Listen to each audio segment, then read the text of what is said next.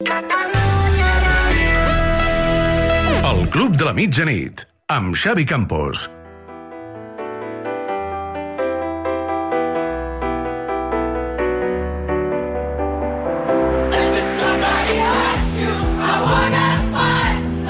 Som al Club de la Mitjanit i teníem pendents connectar amb eh, Girona perquè l'Eduard Solà ens confirmi que, eh, primer de tot, Solà, bona nit. Bona nit. Aquest, aquest és l'Eduard Solà amb so robòtic, o sigui que intentarem millorar la connexió. Intentarem confirmar que no és el Xisto, que ja és, ha arribat a, a Girona i que si, si, si pot connectar d'alguna manera o enviar-nos algun telegrama que ens expliqui una miqueta si ha patit molt o no eh, eh, amb aquesta victòria, la pròrroga del Girona al camp del Quintanar a, a la Copa. Avancem, però, eh, perquè tenia pendents d'escoltar Joan Laporta al diari Esport eh, en una entrevista on deixa certs dubtes a les possibilitats que el Barça té de fitxar aquest eh, mes de gener. Roger Arbusà. Sí, si fos per la porta, eh, fitxaria el mercat d'hivern, però bàsicament diu que el fair play financer colla més que abans. No, no has carregat el, el document sonor? Sí, en principi sí. En principi sí. En principi. No sé, no, diu que no. Diu que no. Doncs, eh, bé, és igual. Eh, ens refiem de la teva paraula.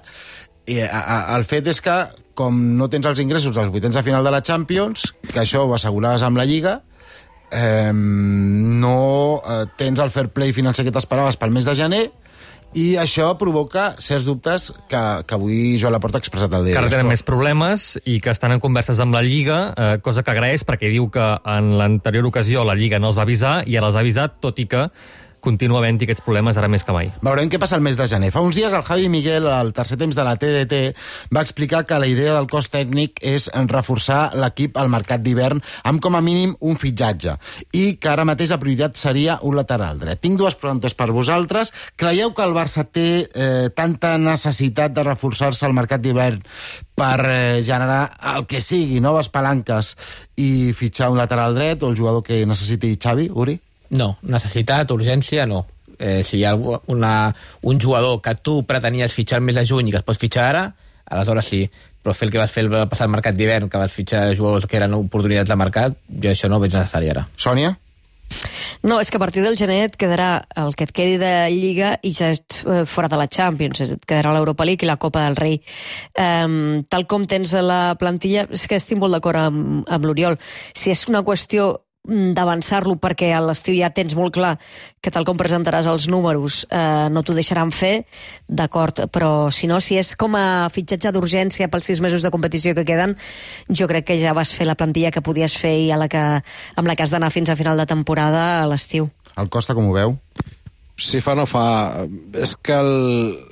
ja fa dies que es parla, eh, vaja, ho va explicar el Javi Miguel, eh, que, que el Barça volia un lateral dret al mercat d'hivern, però és que no se m'acut quin lateral dret pots trobar al mercat d'hivern que et millori el que tens. I ja sé que el que tens no és gaire difícil de millorar, però vaja, no, no, no sé, no, no, no m'imagino que al mercat d'hivern puguis fitxar Alexander Arnold o Pavar o no sé. Eh, llavors, per portar un jugador que, que acabem tenint la mateixa sensació que en Bellerín, jo no ho acabo de, de veure. Una altra història és... Mira, ens va quedar pendent Bernardo Silva de l'estiu i resulta que ara el puguem fitxar, que, que és impensable, eh? Sí. estic fent un exemple.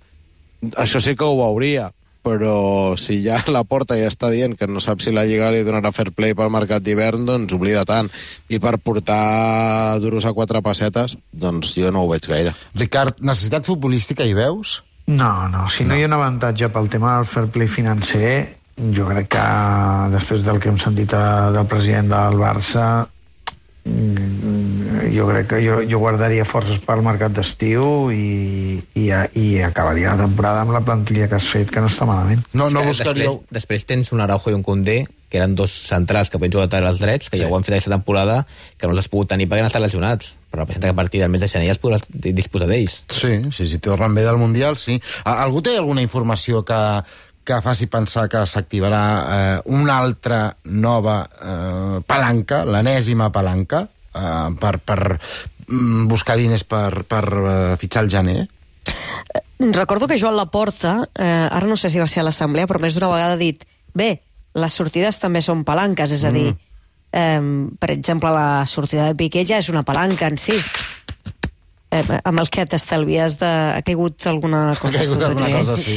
no, eh, doncs això, que la, la sortida de Gerard Piqué, com a mínim el que t'estalvies de sou d'aquesta temporada, eh, ja et serveix eh, per fer algun fitxatge, però clar, que ha de ser això que comentava abans l'Oriol, la, la típica oportunitat del mercat d'hivern, de jugador que et vingui gairebé, que només l'hagis de pagar el sou i no sé fins a quin punt et, et serviria. També és possible que hi hagi alguna altra sortida, Eh, llegia avui, crec que era eh, ara és que ara no, no vull citar perquè no recordo on era la informació que, que hi havia la possibilitat de Memphis Depay, Depay Sí. que pugui sortir traspassat en aquest eh, mercat d'hivern. Aleshores, clar, ja, que, ja, vas, ja vas acumulant. seva que no pas... jo, jo del crec que amb la, amb la baixa de Piqué no generaràs gaire fair play, perquè tot i que representa que li deixes de pagar a mitja temporada, jo crec que en l'acord... no, no, però, però suficient com per el que deia, per pagar el sou d'algú que Sí, t'arribi per això per, a pràcticament a cost zero, clar, jo, jo crec que, en, que en l'acord final amb Piqué acabarà cobrant part del, de la, del contracte que se li deu.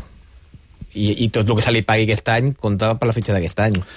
La, la Lliga s'atura. Ara farem un informe del que ha estat fins ara la Lliga del Barça, la temporada del Barça, amb l'Àlex Dalmas. Però abans, eh, a veure si tenim sort ara. Solà, Girona, Hola, què tal, Xavi? On pares? Bona nit.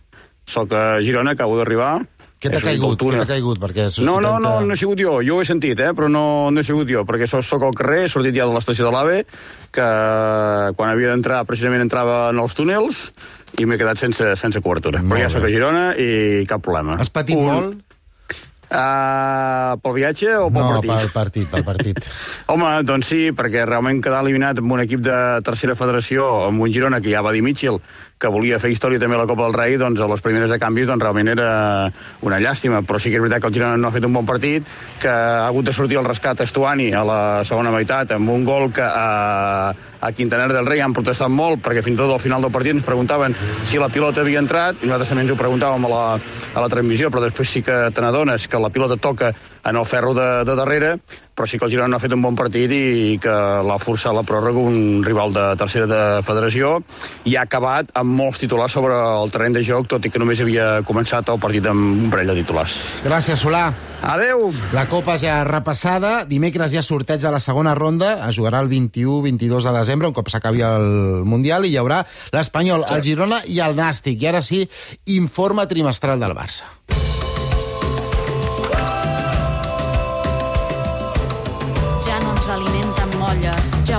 El pa sencer.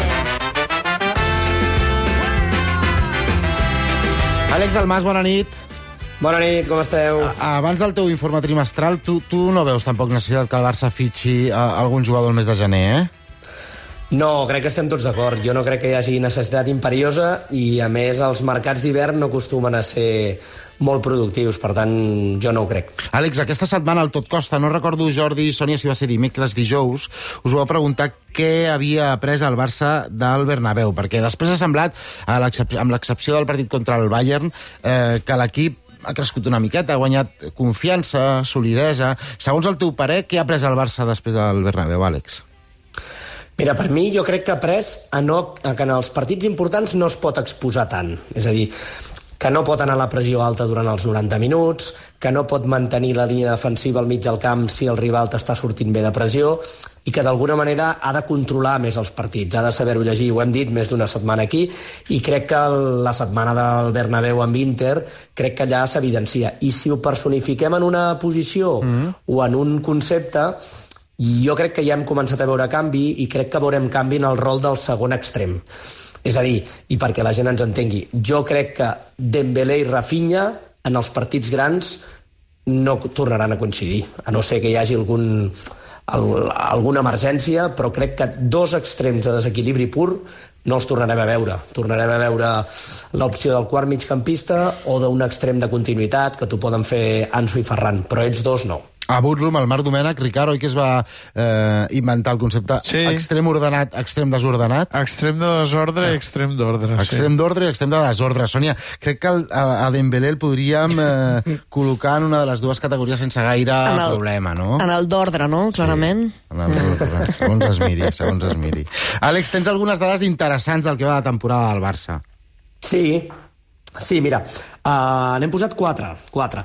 La primera d'elles és que el 40% dels gols al Barça en Lliga arriben a l'última mitja hora. Per tant, la importància dels segons partits, dels canvis, d'allò de, de, que diem, eh? de, de moltes vegades donar importància uh, a les segones parts dels partits. L'altre és que el Barça ha encaixat molt poc, només 5 gols en Lliga, però que el 60% dels gols encaixats arriben al primer quart d'hora. Per tant, l'activació ha de ser una cosa en la que el Barça s'hi ha de fixar. Uh, després el tema de la varietat. El 97% dels gols han estat dins de l'àrea i només el 3%, és a dir, només un gol, arriba des de fora de l'àrea. I quin és, és aquest un gol? Tema... Sí, i, i aquest és un tema que també hem parlat diverses vegades. Crec que al Barça li falta una miqueta més de varietat, de fer mal al rival a través de més, de més coses, i una d'elles és el, el xut des de la llarga distància. Quin és el gol fora de l'àrea, Àlex? És el, El de de Rafinha, Lewandowski, l'altre no? dia. Ah, i, el de, i aquell de Lewandowski eh, potser no és de fora de l'àrea. Crec que aquell vull està- agafa la que línia. Ah. I, I el de Rafinha també, si, si entra al bar, potser, potser t'anul·len aquesta estadística. El Barça és veritat que no té manes exteriors, ni amb Rafinha, ni amb Lewandowski, ni amb De Jong, ni amb ningú. És que no xuten des de fora, intenten acabar totes les jugades. I de quina manera les intenten acabar, Àlex? Sí, l'altra i l'última dada és que el Barça és l'equip de la Lliga que més acaba els atacs amb centrada. Uh, és el, el 30% dels seus atacs acaben amb centrada, com per exemple, per, per posar-ho, per ponderar-ho amb, el, amb el rival directe, amb el Madrid, només ho fa el 21%. Què vol dir això? Jo crec que vol dir que et genera molt volum ofensiu, que, que t'arriba molt a camp contrari, que t'entra molt per fora, però que a vegades doncs, s'accedeix massa en aquestes centrades. I les entrades, pel meu gust, eh, són un recurs per finalitzar... Normalment són un recurs per finalitzar un atac quan no tens eh, més opcions. A mi aquesta dada, la veritat és que mm, entre... l'entenc perquè el Barça ataca molt, molt posicionalment, perquè hi ha Lewandowski, però mm, no, no, em deixa gaire, no em deixa gaire tranquil.